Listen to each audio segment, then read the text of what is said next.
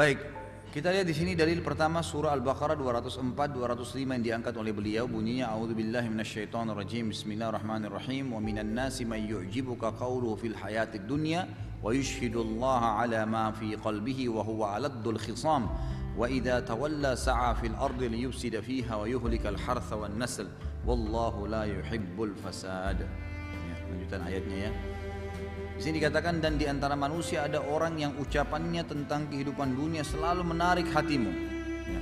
Kalau kita duduk ngobrol, dia selalu kata-katanya bagus. Tapi biasanya ciri-cirinya orang yang suka berdebat ini mendominasi pembicaraan. Tidak memberikan kesempatan orang untuk bicara. Orang bicara masalah properti dia masuk, orang bicara masalah ini dia masuk, makanan dia masuk, semua dia jelasin. Padahal sebenarnya dia tidak punya ilmu yang cukup di situ, tapi dia ingin menonjolkan diri bahwasanya dia punya andil.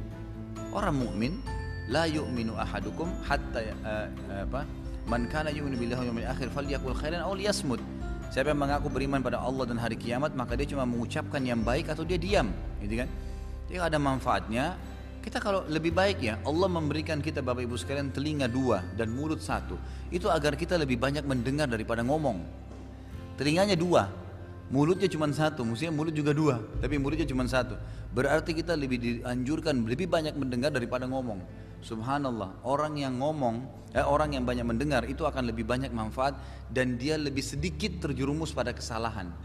Dia dengar nih apa yang orang ucapin, dia nggak ikut-ikutan mulutnya, maka tidak ada argumen orang untuk menyalahkan dia. Kan? Arti kata memang dia tidak mau libatkan diri dalam masalah itu.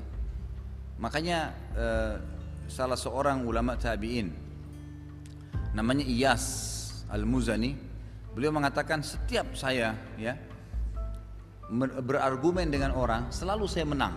Gitu kan? Karena saya sampaikan argumen sudah mereka sudah nggak bisa bantah lagi. Dia bilang sampai ada satu orang yang saya akhirnya jadi malu dengan dia.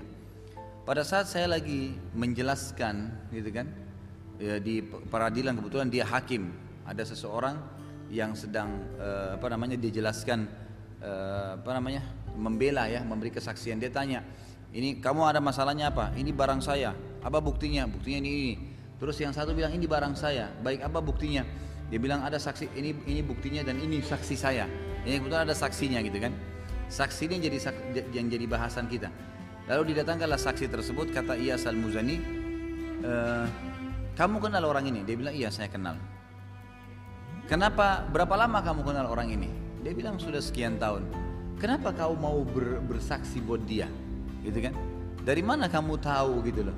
Bahwa saya memang orang ini betul-betul benar. Kamu sudah tahu uh, berapa berapa uh, apa namanya uh, kegiatan apa di rumah dia, berapa jendela rumahnya, gitu kan? Dia bilang begitu. Kata si uh, si saksi ini, saya tidak tahu, tapi saya kenal orang ini. Lalu dia diam orang itu.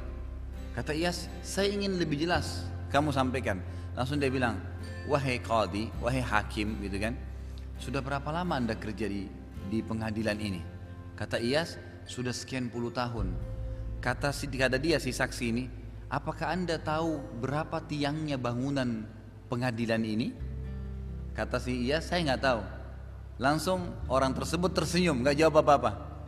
Langsung Iyas mengatakan, saya langsung memahami maksud dia. Artinya, kalau saya saja kerja sekian tahun di pengadilan tidak tahu berapa tiangnya bangunan ini, bagaimana dia bisa tahu jumlah jendelanya, rumah orang yang dia mau jadikan sebagai atau dia tolong sebagai saksi. Udah. Jadi ada orang-orang subhanallah menjelaskan sesuatu secukupnya. Udah. Jadi kita harus punya kalimat yang kita ucapin itu punya nilai ya, punya nilai. Makin jarang makin kita kontrol kalimat, maka makin mudah untuk bisa diterima oleh orang orang lain.